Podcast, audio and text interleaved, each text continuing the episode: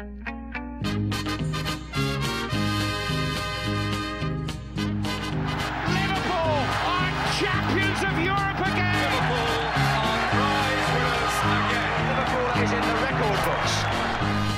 och välkomna till ännu ett avsnitt av LFC-podden. Eh, Robin Bylund är inte med oss idag för han har två sjuka barn. Och eh, därför är jag, Robin Fredriksson istället, programledare. Och med mig har jag Viktor Fagerström och Fredrik Eidefors. Så att vi blir en eh, stabil trio idag av eh, erfarna poddare. Eh, vi kan ju börja med att ta grepp om att vi faktiskt slog Stoke på straffar och tog oss till eh, final i mm, ligacupen. Eh, får City på Wembley. Hur, eh, hur stort är det?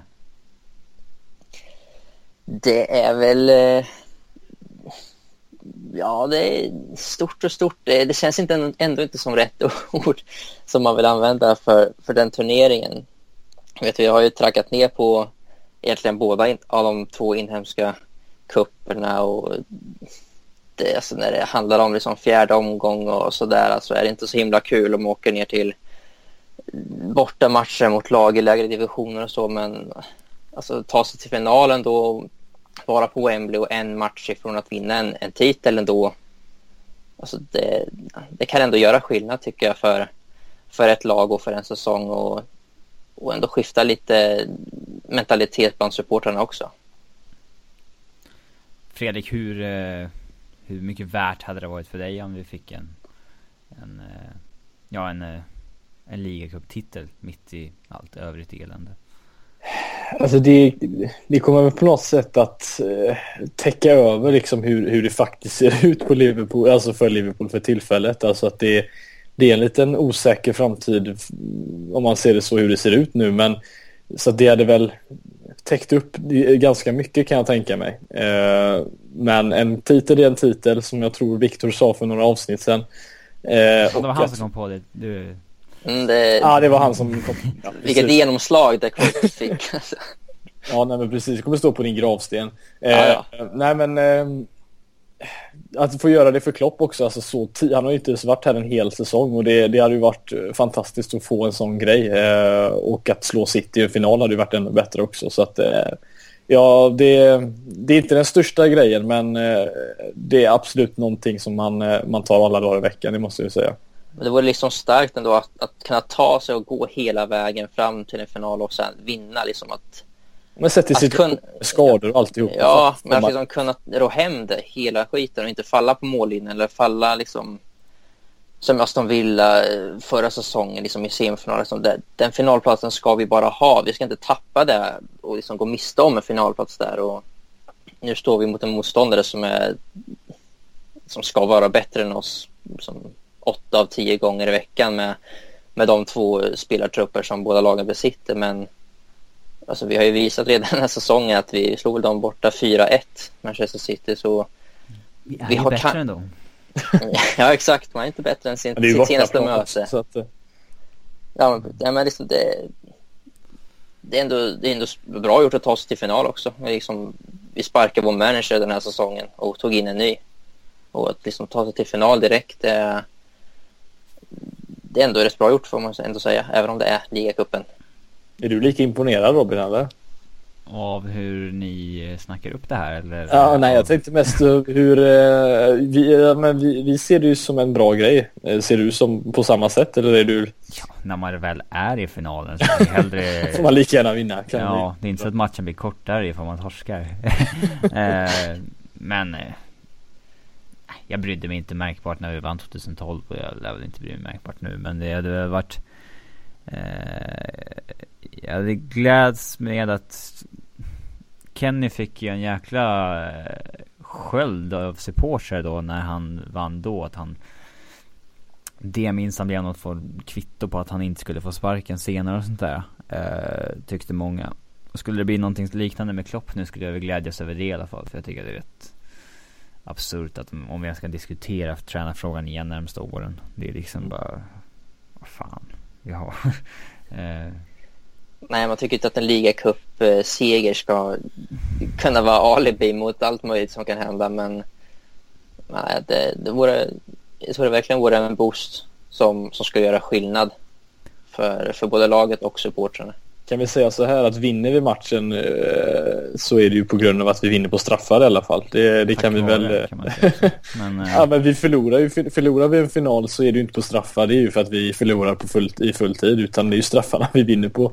Det har väl varit så att typ alla finaler sen... Eh, jag vet inte när senast, i alla fall sen Champions League. Men innan dess så var det väl, FA, då har det väl varit lite lite annat. Men det, det, det, är, det är straffar vi vinner på. Det, det är väl det vi får satsa på helt enkelt. Mm. Alltså, gå in på YouTube och kolla på straffläggningen mot eh, Cardiff det året vi vann. Det är liksom en, en parodi. Min, ja. Minst sämst vinner liksom. Det, är, det, är, ja, det var en udda straffläggning får man ja, säga. Alla brände alltså Reina räddade väl inte ens någon? Alla tre Nej nej, ju... han uh, gjorde inte det Nej, Reina räddar inte ens någon. De drar liksom typ två i stolpen och en utanför och, och vi bränner ju som fan också. Gerard missar, Charlie, Adam har en legendarisk straff så åt helvete. Liksom såhär. Herregud. Ja. Och sen ja, vi, vi var alla vi... svinglada när vi vann. Vi bara, oh, shit, vi var liksom Ja men alltså ja. det var lite samma känsla som det var efter Stoke-matchen kommer jag ihåg. Alltså, även om det var en final så Liksom, det, var mot, det var mot ett motstånd som liksom, det ska vi slå. Liksom. Ja, och i förlängningen liksom, så... att vi, liksom, vi, har ledning, vi tar ledningen igen i den förlängningen men ändå lyckas släppa in det så att det blir straffar. Ja men liksom ett lag vi ska slå och, och det liksom det rinner iväg och det blir jämnt och det blir onödigt nära. Liksom att vi, liksom, tänk om vi hade åkt ut på straffar i, i straffar hemma mot Stoke när vi hade in i den matchen med en 1-0 ledning. Det hade ju liksom, ja då hade det ju varit det då. Men liksom att, att vi tog oss, till, tog oss till final är ju, ja, det, det räddade mycket ont där. Mm. Eh, lite andra matcher i veckan. Vi kryssade mot West Ham så vi måste spela om den matchen. Fantastisk regel i FA-cupen. Eh, Klopp älskar det. Eh, nej, fan vi hatar omspel. Eh, men, eh, ja ja. Kul med ännu mer matcher. Vi får ju se ut att få, uh, det sju eller åtta i februari. Men eh. kul att ungdomarna gjorde så pass bra ifrån sig på den här matchen får man säga. De är ju bättre än eh, de så kallade A-lagsspelarna mot West Ham får man väl säga. Mm. Ja, det var faktiskt, de gjorde det bättre än vad jag trodde det skulle bli. Jag trodde ändå alltså att West Ham är inte så pass, ett så pass starkt lag och jag trodde verkligen att de skulle köra på väldigt mycket mer. Men vi stod upp legendariskt inhopp av José Enrique i slutet också. När ja, det var... han går in och drar frisparken åt helvete och sen så är han helt loss när han ska markera eh, vem det nu är som nickar där mot mål i slutet. Eh, mm, ja, det... Ja. Det vet jag inte om man ska säga någonting om ens. Det är bara att glömma. Eh, ja, men det är vad vi tar med oss från den matchen. Eh, sen torskade vi mot Leicester också. 2-0. Eh, Ingen att snacka om, serieledarna borta, det är svårt. Men se, ser, man inte, ser man inte lite på den matchen att man, man, man tänker liksom, man glömmer bort att det här är det laget som har... De har torskat två matcher i år. Som, ja men precis, alltså det är det bästa laget det här, den här säsongen hit. Det finns ingenting mer att säga om det egentligen. De kanske inte har spelat bäst, men kollar man i de situationer de spelade ut oss igår så ja, då gjorde de visserligen det. Alltså man... den där situationen där de helt plötsligt ja, förvandlades till en jävla Barcelona. Och Sarko när han lägger liksom. sig ner där. Ja. Alltså men... hade, hade han Okazaki spelat tillbaka till Ward och han hade satt in den då hade jag ju, hade ju ställt mig upp från soffan och applåderat. Liksom. Ja. Det... Jag upptäckte inte att det var sådär. Jag minns ju situationen när Sarko kapar honom men jag, jag, jag, jag tog inte riktigt in spelet som hände innan på något vis. jag vet inte om jag kollade åt sidan eller någonting. Men, äh... men kommer ni ihåg när man mötte typ ett United? Alltså det är klart vi gör det, men alltså ett Ferguson United på bortaplan. Det var liksom så här, ja men vi kanske inte vinner, men vi kanske kan stå upp ändå. Och så går de på 70 procent. Eh, vi försöker, de gör två mål och så är matchen över. Ungefär så kändes det här. Det kändes som att det liksom, det var inte så mycket att hämta in i den här matchen. För de, det kändes som att Leicester hade så bra kontroll genom hela matchen. Så gör de två mål och så är det liksom kan de, kan de gå resten av matchen? Det, ja, det, det, liksom... det är ju den skillnaden där att alltså de, de har flowet i sig, de har liksom medgången och, och tryggheten i sitt spel och de, de vet vad de kan, de vet vad de ska göra, de har tydliga roller rakt igenom hela laget. Och det spelar ingen roll att det då är alltså, upp, till, upp till deras mål, alltså, första mål i 16 minuter eller något sånt där, så är det ju, alltså då är det ju väldigt öppet. Det är kanske nästan lite liten fördel Liverpool där med första kvarten i andra. Men, men liksom så länge det är öppet och så, då, de kan liksom slå till när som helst. Och speciellt liksom, de, har, de har 17 mål nu i ligan, Wardy. Det, de har så mycket förtroende för det de gör. Och, och det, det var samma sak med United. Att det, det, också, det var en maskin med Ferguson. De, de visste ju verkligen vad de kunde. Liksom, hur många mål gjorde de inte på Fergie time? Och det var ju för att de visste... jämföra, det var inte min Ska vi verkligen jämföra Leicester jag, med Ferguson? Ja men jag tycker ändå att det är... Känslan alltså... som, som, som man hade jo, jo. efter det att man kände sig... Man kände som ett topplag på riktigt ja. Inte ja, som precis. ett skrällgäng som råkar vara där uppe. Nej, Nej men jag tycker ändå den känns, alltså, det, alltså den, just den självsäkerheten och tro på vad de ska göra. Eh, mm. Det finns likheter där. Ja. Så är det. Uh... Vad, varför räckte vi inte till? Eller vad, vad, Jag såg någon på Twitter som skrev typ Men ärligt talat hur många från Liverpools 11 skulle gå in i Leicesters 11? På den nivån är det väl knappast ändå så, Leicester så har kanske, kanske fyra, fem spelare som faktiskt sticker ut men Nej men precis. Det, men det, det är som vi har pratat om tidigare, alltså spelar man i ett fungerande system så, så, så ser det så pass mycket bättre ut. Eh, men kollar man en sån som Danny Simpson till exempel, var väl Newcastle han spelade förut, så tyckte han var mm. katastrofalt dålig sett till att han gjorde, eller katastrofal, men han var ingen, han var ingen spelare som sticker ut men kollar man hur han presterar ett sånt här lag, Fuchs det är samma sak där, alltså det är ju inga spelare som går in i någon världselva men när de får spela ett system som passar dem och det, det liksom går bra, då, då, ser det ju allting så mycket bättre ut. Men det var ju på alla nivåer som jag tycker vi var, eh, ja, ja, det var helt annorlunda lag än det som mötte Leicester på Anfield för några, några månader sedan. Så att, eh, men det var ju förväntat. Eh, Leicester har ju bara förlorat två matcher som sagt och det vi har ju faktiskt vunnit. En av de två förlusterna är ju faktiskt mot oss. Ja, men alltså, som jag sa, jag tyckte ändå... De mer defensivt på ett annat sätt. Då hade de ju bara mm. en anfallare som spelade då. då nu körde de ju ändå ja. Det var ju en helt annan uppsättning då. Ja, i det mötet på Anfield så var vi ju klart bättre. Alltså, de hade ju ingenting att sätta emot egentligen. Det, så, vi bestämde ju precis hur vi ville göra.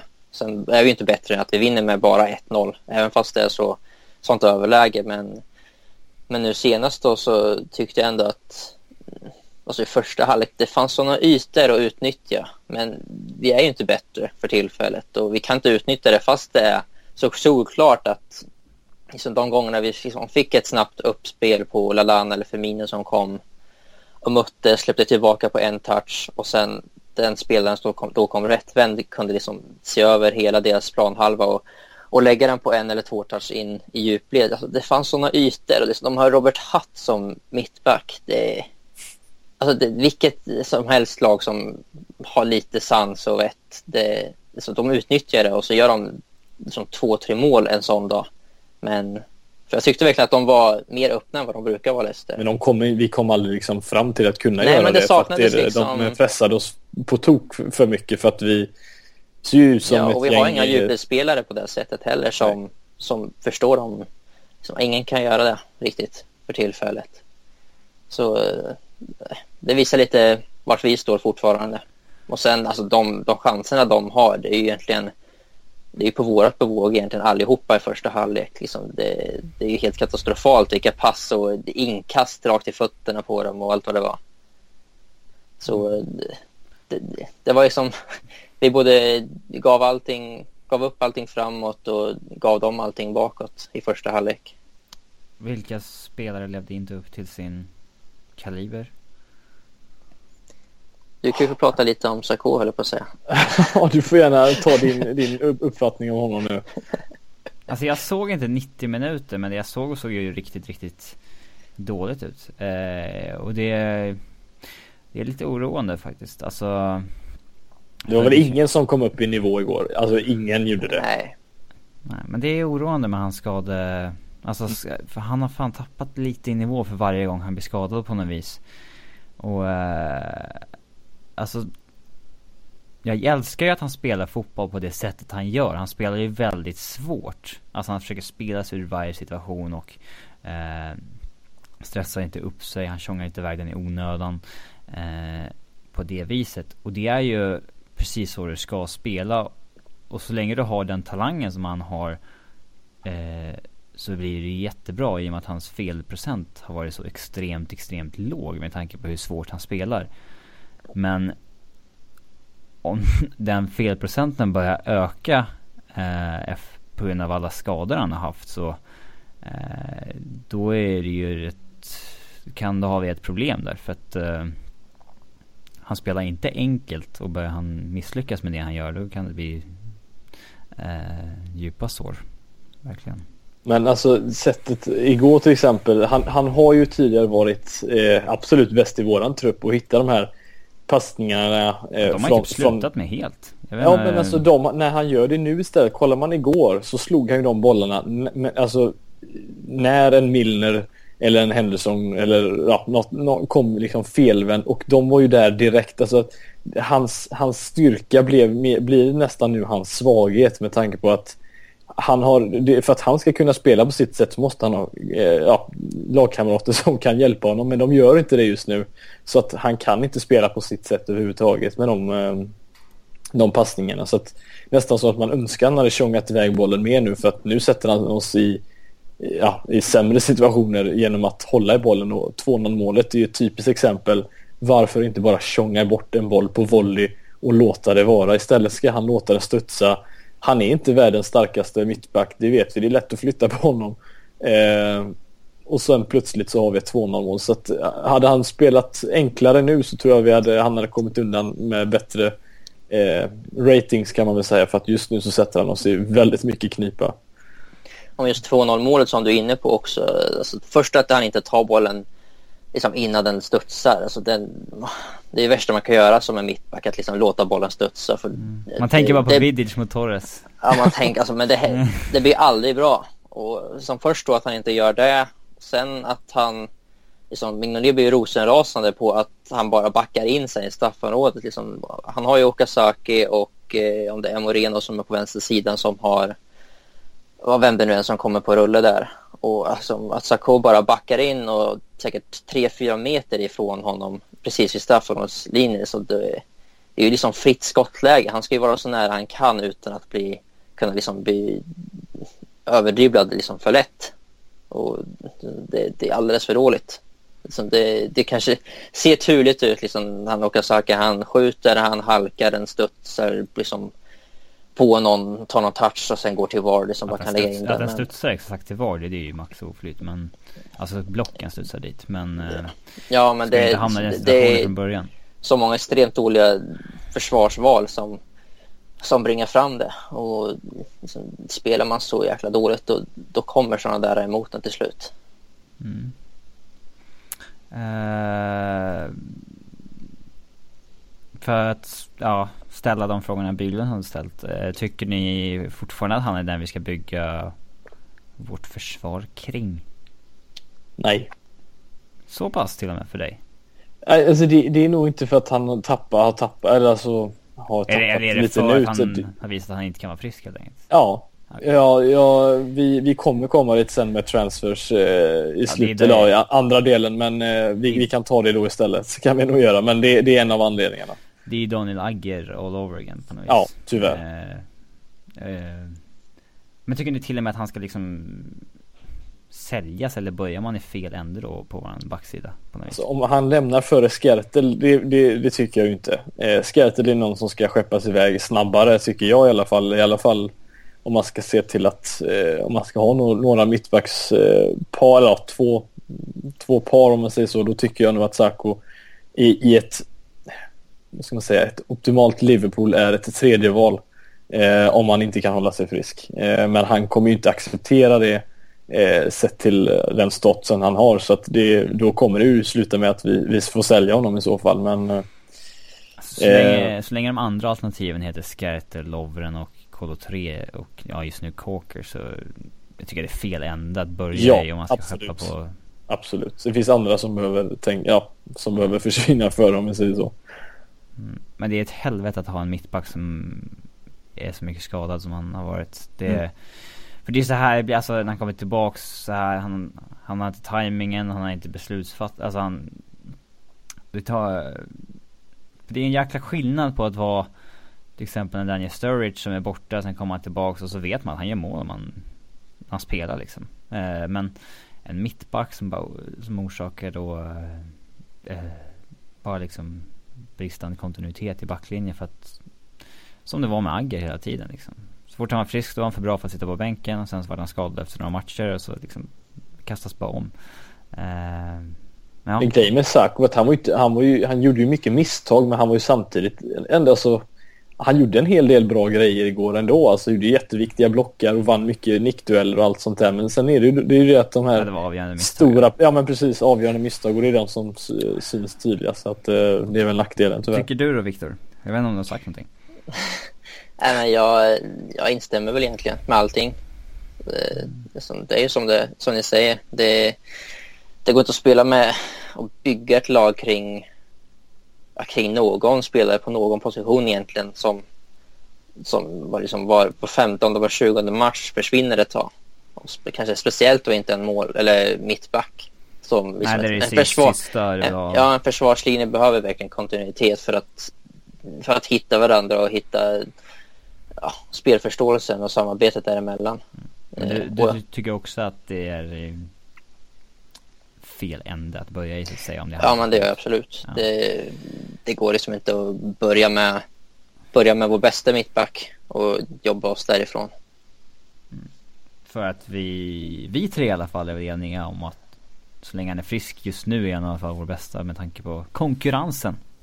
Definitivt. Eh. Vi vet ju redan vad Bylund tycker så att eh, mm. Följer man Robin Bylund på Twitter, vilket ni alla borde göra, så vet ni under en matchdag ungefär vad han tycker om Mamadou Sakho nu för tiden. Så att, det... han, han, gillade ju honom inte när han var eh, jätte, jätte, jätte, jättebra heller. nej, nej men nu, nu, är det, nu tycker jag det nu är det bara roligt att se vad han har att säga om den gode Sakho. jag tycker det det är kul. Alltså man borde egentligen vara bannad från att skriva saker på Twitter under matchtid. Alltså det är, man skriver så mycket skit men Bylund är så rolig när han skriver om, om Sacco så det får ni gå in och söka på. Då kan ni få en liten skrattfest där hemma. Skrattfest? Ja, man sa att vi skulle, så, att vi skulle såga Sacco-säcken i det här avsnittet. Så, ja, lite, lite. Ja, lite sågningar har det blivit i alla fall. Men Bylund är väl den av oss som också um, som hetsar upp sig mest när vi torskar också va? Eller? Ja, han ligger nog... Ja, eh, svårt att hålla... Ja men det, det, är vackert för vi har, ju, vi har ju dig som är rock, eh, alltså den, den största ja, Jag påverkas inte alls. Nej. Nej, jag älskar det. Ja, det är en bra blandning vi har. Nej, Bylund, Vad tycker vi om Älen då? Bylund kan ju snedtända när vi torskat då. Ja. Nu ska de här ut, vi ska värva de här eh, han gjorde, ja, de, de tweetsen kan du läsa. Eh, han ville vara Danny Ward i mål eh, i helgen tror jag. Men eh, Joe Allen, skulle han ha spelat? Ja. Det är väl svårt att säga någonting annat, är inte det? Men vad, vad, vad ska man, vad, vad, måste man ha, vad måste man göra för att, för att peta en Henderson Chan eller Lucas Minner på ett mittfält. Helt ärligt, vad, vad, måste man göra? Måste man avgöra en final på straffar och kvittera 90 minuten mot Arsenal, komma in och ändå göra en, liksom, någon skillnad? Alltså, vad, vad, måste man göra för att faktiskt kunna komma in i det mittfältet undrar jag. För alltså, att han, han ger så mycket mer än alla de andra på något sätt. Alla de andra? Ja. ja men just nu är ju han... Det enda jag faktiskt skulle vilja behålla på plan just nu om jag ska vara helt ärlig. Men han är ju en av våra få spelare som alltså, faktiskt har visat form nu Ja alltså visst, han har ju varit riktigt bra på slutet men jag skulle inte Alltså Ja, inte, inte permanent alltså, men för Nej. tillfället menar jag. För att, men är det så konstigt? Alltså vi, han spelar ju Hur mycket spelade han mot West Ham och, eh, och mot Stoke in, alltså vi roterar ju, det är inte så jävla konstigt att, om han, att han var utanför den här matchen. Eller? Han erbjuder ju en annan grej. Alltså, det, det, låter så konstigt att säga att man saknar Ja, men vi roterar ju liksom. Alltså det är inte så att vi tog bästa elvan och så var han utanför. Jo men Chan och en eh, Moreno och en, eh, visst nu har vi inte så mycket eh, back, backup där men det finns ju spelare som spelar kontinuerligt och det skulle jag inte säga att Allen skulle skada av heller tror jag utan jag tror han hade klarat av det. Jag tycker ändå att han erbjuder saker. Han, vill gå framåt och erbjuder mer än vad, vad en Lucas gör till exempel och Henderson verkar ju inte ha kommit in i det ganska bra heller så att jag skulle gärna ha sett Allen starta mot Leicester. Men det är ändå inte så att han har spelat jätte, jättemycket den här säsongen utan Alltså, Emre Can hade väl inte vilat en match förrän i typ, var det november eller så. Alltså, det var ju långt in på säsongen innan han tog sitt första, sitt första lilla break. Och liksom ändå att, att spela honom, att Joe Allen liksom spela kanske den bästa inform-mittfältare eh, mot, liksom borta mot ligaledaren. Det, alltså, det handlar ju om prioritering. Att vad, liksom, han kanske vill, Klopp kanske vill rotera hela truppen. Det var väl tio byten eller sånt där mot liksom matchen innan. Så att han kanske hade, redan hade planen kvar och inte, klar och inte vill göra några sista ändringar. Men, men liksom som supporter och den, den vink, synvinkel man har ändå utifrån så, så tycker jag ändå att han borde ha startat. Jag tycker inte att det borde vara så big deal. Jag tycker vi borde klara det ganska fine ändå. Men... Borde jag? Bör. Eh, ja. Transferfönstret då. Vi fick in Steven Corker på lån. Vi fick in Marko Grujic från Red Star och Eh, That's it. Eh, det hände inte så mycket mer. Det var ju snack in i det sista om Alex Teixeira från Shakhtar Donetsk. Eh, och det är ganska bekräftade rapporter om att FSG faktiskt gav tummen upp till att lägga de där 38 miljoner pund på eh, Alex. Men att Klopp tog beslutet att det, det var ett eh, överpris. Eh, ja, det, hade ni hoppats på mer i januari? Eller hade ni trott på mer? Jag trott på mer hade jag definitivt. För jag minns att vi pratade om det här någon gång i samband med att Klopp tog över. Eh, och trodde vi... man kanske vi skulle lite bättre till i januari också? Jo, jo, men jag tror att jag, för att jag sa att jag, alltså, två värvningar egentligen var rätt garanterat och det vart det väl på sätt och vis, men jag hade mer tänkt det är som spelare som kommer in och kan göra skillnad i laget på en gång och det kan ju varken, eh, ja, definitivt inte Grujic men ändå inte Kåker heller som ändå kommer in som ett som ett breddalternativ. Han kommer inte vara någon startspelare ifall vi inte åker på skadehelvete igen. Så det är ju det är ändå en besvikelse tycker jag. Eh, jag hade förväntat mig mer och trodde och hoppades på att vi skulle ha scoutat fram och tagit fram vissa alternativ som, som passar mallen för det vi vill göra och, och få in lite fina ny till, nyförvärv och sådär. Men det, för det, det är som, speciellt nu när det, när det går så pass tungt så få in värvningar som faktiskt kan komma in och göra skillnad lyfter ju både supportrarna liksom, och få lite nytt hopp och, men även laget att se att liksom, ja, nu, nu vart vi bättre än vad vi var för en månad sedan. Så det hade gjort skillnad. Det jag kan gilla med att man inte liksom överbetalar för Alex Teixeira är väl att man tyder väl ändå på att Klopp tänker lite långsiktigt och inte så kortsiktigt. Eh, för att de...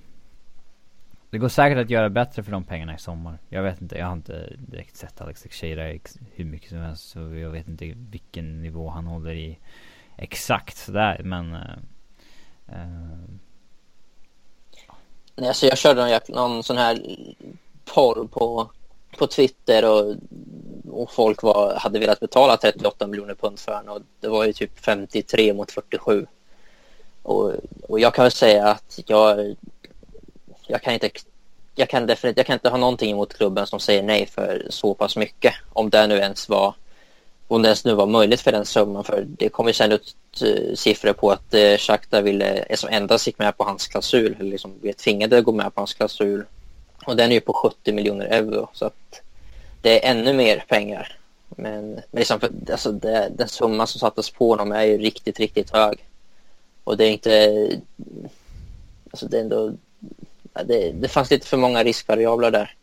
Och tillhörande pris där. Som... Men tror ni han känner så här med Teixeira? Att, för att så, må, många journalister har ju varit ute och sagt att Klopp, eh, även fast ingen vet vad han vill, men eh, som det här att vi behöver en, en ny stomme med en ny målvakt, ny mittback, nytt, ny mittfältare och en anfallare. Liksom. Nå, liksom något som går över miljarden där som, så att du kanske lägger mellan 250 350 miljoner kronor per eh, inte kanske på en målvakt, men per eh, position om vi säger så då. Hade han varit den mittfältaren till exempel som hade gjort den skillnaden? Tveksamt. Kommer vi kunna hitta någon mittfältare som ska täcka upp det?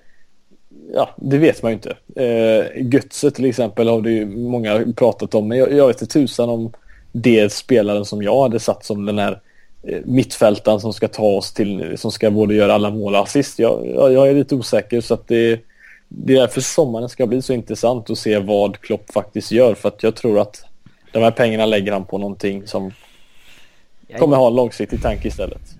Jag är lite orolig inför sommar, alltså Klopp har ju varken erfarenheten eller vill operera som en med, alltså jag vill gärna en sportchef men det snackas ju noll om det. Mm. Jag vill inte sätta Klopp i den, i den sitsen som Brennan Rodgers var när man ska han ska bestämma över nyförvärv själv. För det är ju ändå någonting som han i grunden inte ens vill göra.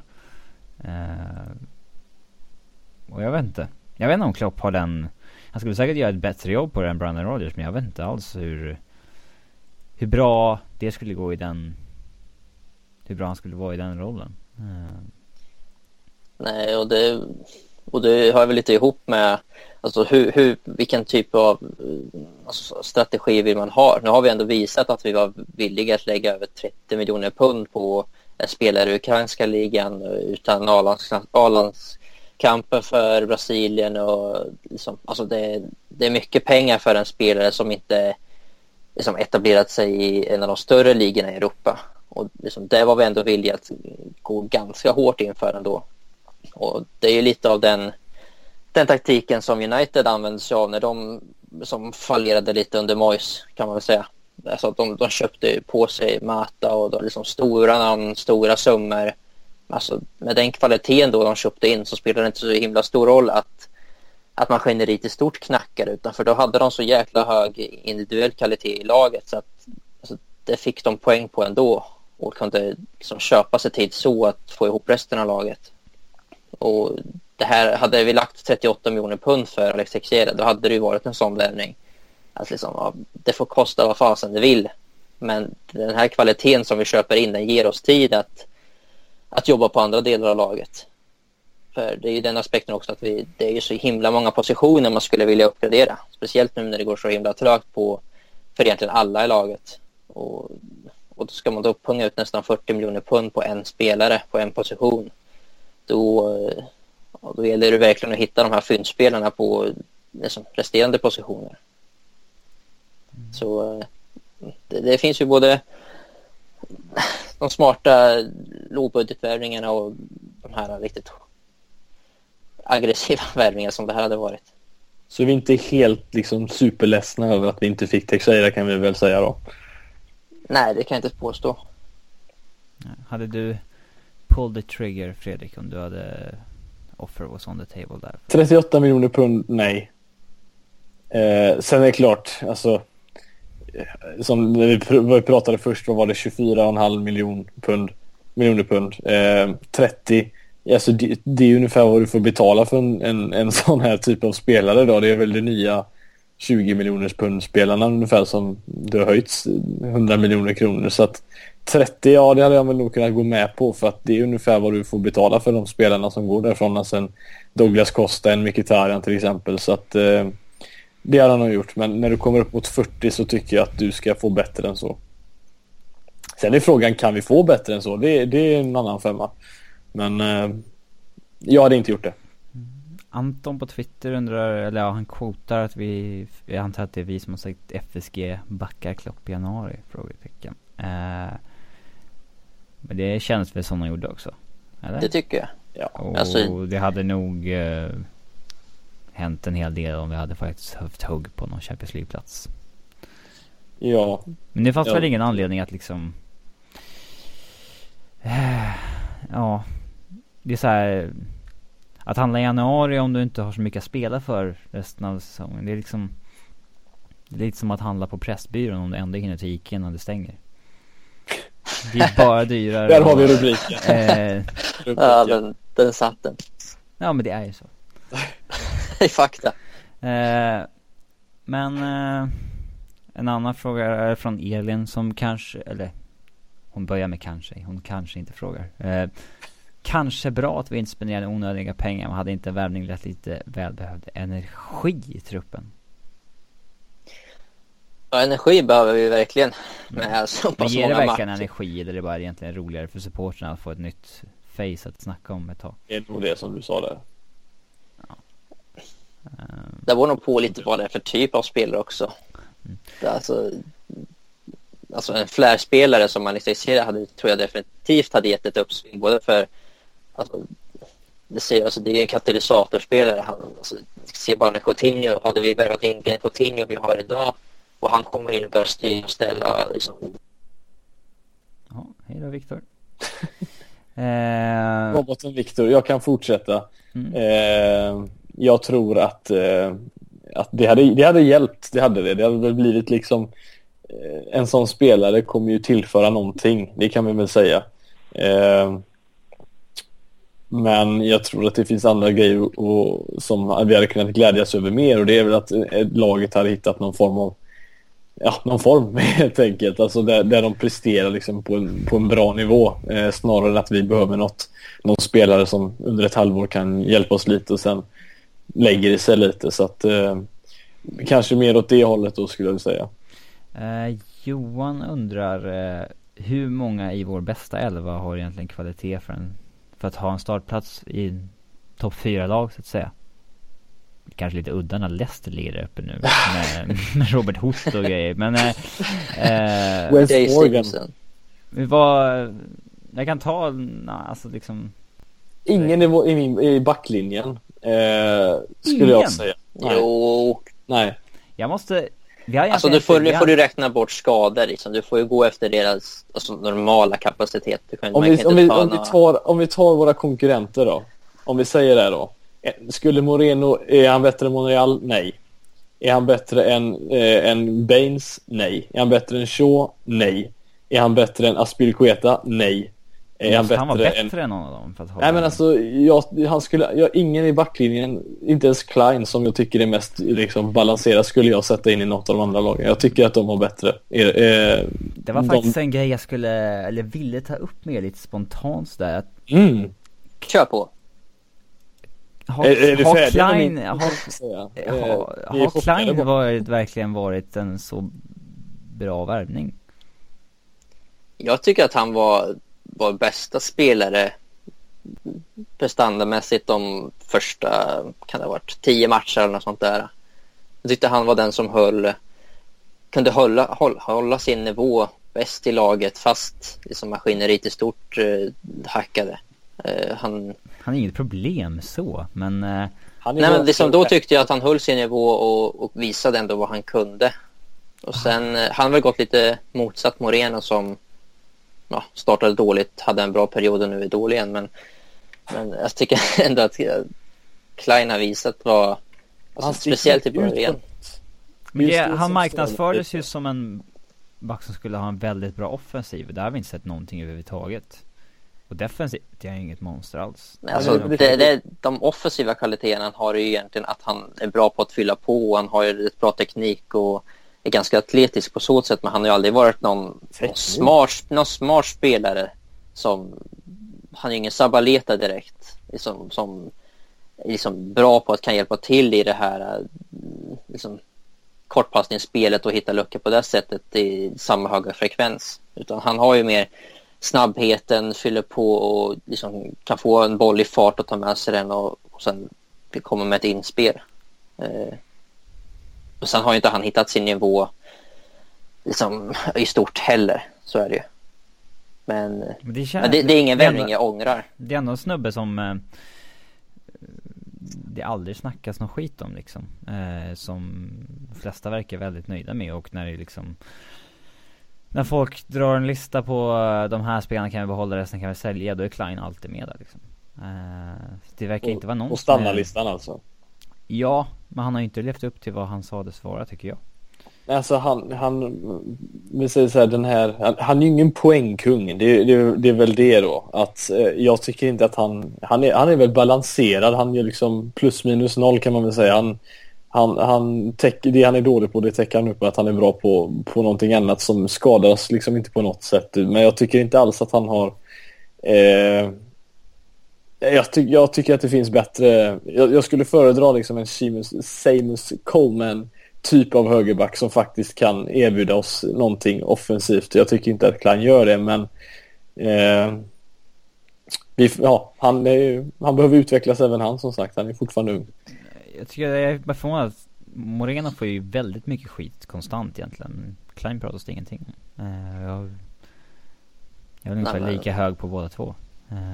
Men som, alltså de kvaliteterna som jag tycker Klein har och de jag nämnde så alltså, det säger sig själv att en sån typ ter sig bäst i ett lag som fungerar och som där han kan ha den rollen som han behöver inte vara en av, en av stöttepelarna i offensiven. Han behöver inte vara den som, som drar någon eller liksom influerar spelet på det viset. Eh, alltså han kan ju vara den som kommer på överlapp när liksom laget redan har påbörjat och har ett överläge och sen kan sätta dit det sista och liksom vara den typen av spelare.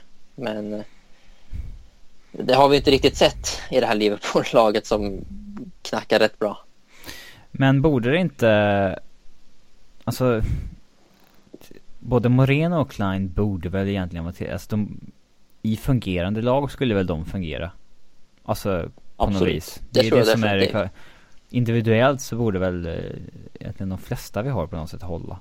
Men det är vi som lag som är jävligt usla försvarsmässigt. Eh. Men det har varit kul till exempel att sett en, en, en Moreno alltså i ett fungerande lag som ett Leicester till exempel. Hur, hur hade, för att, eh, hur hade det fungerat? Tar man till exempel den, det, det läget han fick där igår när han när Firmino spelar fram honom och han tar det här skottet 10 meter över. Hur hade en, en Moreno i ett fungerande lag med högt självförtroende, hade, hade han gjort mål eller hade han hittat en, en perfekt passning in i mitten till en Vardy till exempel? Alltså, det är svårt att säga. Det, det, är så lätt att se hur dåliga vissa spelare kan vara när, när det inte funkar för laget. Och det är väl det vi gör just nu, att vi ser bara det, det dåliga i, i många just för att det, det går så knackigt. Så att det, ja. Men eh, om vi ska gå förbi backlinjen då. I topp fyra, vad, vad tror ni mer? Grejen är alltså när man ser på Leicester i toppen där så liksom, vad fan de flesta skulle väl hålla i topp fyra lag egentligen. Det var Alltså individuellt. Kanske jag som är väldigt negativ här bara, men det är, det är inte du många. Bara ingen. Nej men alltså. Jag vet inte tusan. Jag tycker också att det finns faktiskt en... Eh, alltså, det går egentligen inte att gå igenom hela laget, men alltså det, det finns faktiskt ett ganska bra antal spelare som, som du skulle kunna sätta in på en position i något i ett topp fyra lag utan att de skulle mm, som göra bort sig. Eh, det tycker jag. Sen är det såklart att eh, man kan inte dra för många slutsatser och alltså sätta in en spelare som de är nu, i den formen de är nu och i det laget de är nu. Alltså, då håller de ju inte ens topp sju kanske, men det är inte de spelare de är i. Liksom, den kvaliteten de besitter är ju så pass mycket högre och det är därför de spelar i Liverpool, många av dem, för att de har visat det tidigare att ja, den här kvaliteten håller de. Då köper vi den och sen att de nu har fallerat tillsammans med Liverpool, det, det förändrar ju åsikterna lite grann, märker man. Mm. För alltså, det är så många som, så här, som listar 10-15 namn som borde lämna klubben så men det är så här många där som man tycker ändå borde hålla tillräckligt hög nivå för att inte, ja, vara liksom verkligen katastrof. Uh, det kommer väl inte bli någon 17 spelare ut liksom som han gjorde i Dortmund nej. första gången. Det kommer ju bli en, eh, några i alla fall men kanske det är det som är intressant och omöjligt att veta om han helt enkelt byter ut eller liksom förstärker. För det är ju det är en ganska stor skillnad på om vi skulle liksom byta ut en, en stomme mot eh, startspelare alternativt att köpa in spelare som ska hjälpa truppen. För det är ju inte det vi behöver kan vi väl säga utan det är ju en, någon som verkligen kommer höja nivån i våra första elva. Mm. Och då var det inte, då hade de ju en sportchef också. Det var inte Klopp själv som satt och, Nej, eh, precis. de här ska bort, de här ska in. Eh, men alltså hälften av de spelarna de skickade då kanske var spelare som Klopp liksom älskade så här, men det var någon högre upp som ändå var inte lika känslomässigt attached till dem som sa att nej de är inte tillräckligt bra liksom. Mm. Eh, ja. Jag kan tänka mig att det hade varit sån, Klopp kanske älskar en Joe Flanagan liksom, men att vi har haft en sportchef ovanför honom så hade han kanske sagt att nej, vi köper en annan kille du får älska istället. Liksom. Ja. Eh, Tough love. inte. Jag vet inte, det ska bli, Mm. ja, jag är lite orolig över hur det ska fungera nu. Vad säger ni om att det inte försvann några spelare då? Det snackar ju om att det vilka spelare som håller måttet och inte. Med tanke på hur mycket skador vi hade så var det inte så jävla konstigt ändå. Det, vi hade inte utrymme att släppa någon. Liksom. Det, Inte ens Enrique. men det måste finnas någon som vill ha honom också. Ja. Eh, Nej, Han, det ryktades väl att han var på väg till Newcastle ungefär 10 minuter innan eh, samtalen fallerar. Det blir ingenting. Eh, så att det, det var inte så jättemuntert transfer deadline day. Som det inte sällan brukar vara för Liverpool. Nej. Det blev ingen eh, Stoke imponerad var mest i det tyckte jag var nästan. Det, det var en liten, eh, liten chock och gör sig liksom ett transferrekord liksom deadline day. Det, det, det är maffigt. Av Stoke. Ja, Det, tiderna förändras. Mm. vilka tror ni kommer topp fyra? Så som det ser ut nu. Ja, kul svar. Nej, jag tror att, eh, jag tror att eh, Leicester hamnar trea. Jag tror inte de eh, vinner eller hamnar två. Alltså vinner de mot City nästa match så har de ju ett 6 poängs försprång med 13 matcher kvar. mm. Men det är ett big om där. Alltså det är... Men det är så jäkla, alltså hur fasen ska man ranka? Det är så sjukt svårt. Liksom när man ser på deras trupp och det är ändå Leicester, Leicester är Leicester. Ja, Och inte sen- en jävla hade gått in i Citys elva. Nej men liksom, det är inte som att du har Barca, ja, de får inte tappa fyra poäng på 15 matcher. Nej, men de har ju, alltså med den kvaliteten och den, alltså, alltså den laget de har och sådär. Men alltså sättet på Leicester, det, med den truppen, de skulle kunna tappa poäng mot vilket lag som helst en vanlig säsong. Och, och sex poäng på, på 13 matcher, det, det kan ju skifta fort. Så är det ju alltid. Men, men det, är- alltså, det är så jäkla imponerande. Och ja, hoppas de trummar på. Ehm, har ni något um, mer ni vill snacka om? Vi har lite spelare som är på väg, på väg tillbaka in i laget nu. Sturridge, Coutinho, Origi, Skertel. ehm, Sturridge tillbaka i träning idag. Ingen skada. Det är Ja, mirakel. Hittills. Det är klart han kommer Nej. skadad igen snart. Eh, Han halkar väl han borstat händer eller någonting. Men det, är det måste man ju säga, det, det här kommer ju som en... Eh, jag, jag är verkligen anti som säger att vi behöver inga nyförvärv. Det här är våra nyförvärv, det här fönstret, att de är tillbaka. det är liksom, det ger mig stora sjukdomar måste jag säga. Eh, det är men utslag. det också. Ja, men det, Nej, men det är det- samma det här- sak som att säga, eh, som när vi tappar Suarez och säger ja men Sturridge är hans ersättare. Ja. Bara, men jag har redan Sturridge. Det är. Det funkar inte så. Nej men eh, ja, det här får vi måste, det här är ju jättegoda nyheter måste vi säga. Det är kanske, det är ju det är inga, det är inga dussinspelare sett till hur det ser ut. Alltså en eh, Coutinho och en, en Sturridge, det är, det är precis vad vi behöver. Vi behöver få in det nu. Eh, och hålla dem friska för att det Coutinho står, står ju för så mycket eh, som vi saknar just nu och Sturridge samma, samma där. Så att eh, det ska bli skönt att få dem tillbaka och hoppas bara att de liksom spelas in lugnt för att den här säsongen är ju som vi har sagt, den är ju ja, målet var väl fjärdeplatsen men det, det, det, det är ju över måste jag ju säga. Eh, så vi får satsa på att bygga på någonting eh, som håller säsongen ut och då är det bra att ha dem friska så att eh, det ska bli bra. Ja, men just nu så går ju alla de tre in i, i startelvan. Eh, Coutinho, Sturridge och Rigi. Kanske inte samtidigt men liksom fick man sätta in någon av dem nu så, så skulle man ju göra det. Eh, liksom Origi gjorde det ju ganska bra på slutet innan han var skadad. Och, så visst, absolut. Det är goda nyheter. Men det här med nya värvningar, det... Uh, Sen är det väl Skelter tillbaka i början nästa vecka som du sa. Och det återstår väl att se vart han står i, i kampen med Lovren där. Det kanske blir tydligare eh, ju mer säsongen lider mot sitt slut. Uh, ja, nu känner vi oss ganska så klara över det här laget va? Ingen vann tipstävlingen mot West Ham, ingen tippade 0-0. Uh, ehm. varför gör folk inte det? Det är typ såhär, alltså tippar man 0-0 i alla matcher i tipstävlingen så får man ju rätt typ fyra gånger om året. Sant. Ja. Jag gör det uppmaning till alla. Tippa 0-0. Eh, du tror det blir 0-0? Fy fasen vad tråkigt. Nej men tippar man 0-0 alla matcher så får man ju rätt i 4, 5, 6 stycken varje år. Det får man väl säkerligen men... Det är ett system men, att gå efter. Orkar man vara så systematisk? Ja, det är bara att skriva 0-0. eh.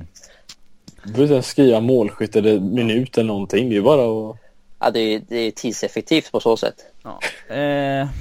Det är det vi pratar om helt enkelt. Mm. ja. Vi själva ska tippa då.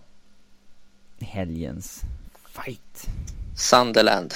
Näst sist. Det kommer inte bli en komfortabel 3-0-vinst. Det, det, vet jag redan. Eh, för du, det? Ja, och anledningen till att jag vet det är för att, för att komma i de situationerna så måste du ha, ha harmoni i laget och det har inte vi just nu. Så jag gissar på ett 2-1. Kan det bli lite ketchup också med tanke på att vi inte har gjort mål på typ fem matcher? Vi har inte gjort mål på, är det fem timmar eller vad är det? Ja, vi har inte gjort mål på tre matcher. Ja. Vi gjorde ju faktiskt mål, fem stycken mot Norwich, så att... Uh, ja, just det. Eh, jag hoppas de räknas. Ja. 2-1 säger du. Målskyttar på det? Målskytt säger jag Firmino och Lalana. Big Ben Tege. Nej. Nej, Lalana. Uh, jag säger väl uh, eh, 1-0 då. Firmino. Det, det går trögt nu. Ketchup men... effect indeed. Ja men du, ketchup effect från 0-2 till 1-0 är väl ketchup.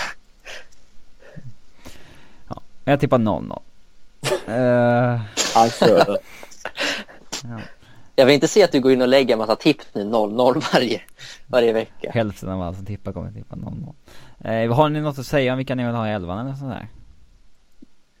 Ja, det blir nog svårt att... Förutom Joe Allen. Då Jesus ska in i laget, men det blir mycket rotation igen. Det, det är svårt att se, som säga vad, som var tio förändringar inför senaste matchen och det blir, lär bli en hel del nu också. Tror ni det blir någon plats för dem som spelar till exempel mot West Ham, alltså en, en Brannigan, Texeira, eh, den typen av spelare till exempel? Nej, de spelar väl igen mot West Ham dagen mm. efter istället. Ja, det tror jag också. Med Benteke. Ja, det blir väl ganska, ja, det kan kanske bli lite, ganska snarlikt mot, mot Leicester kanske. Mm. I och med att West Ham-matchen kommer upp efteråt och, och då är det ju ungdom, ungdomarnas tur. Ja, ja. Då klappar vi igen den här butiken. Eh, godnatt och eh, hörs vi igen om en vecka förhoppningsvis.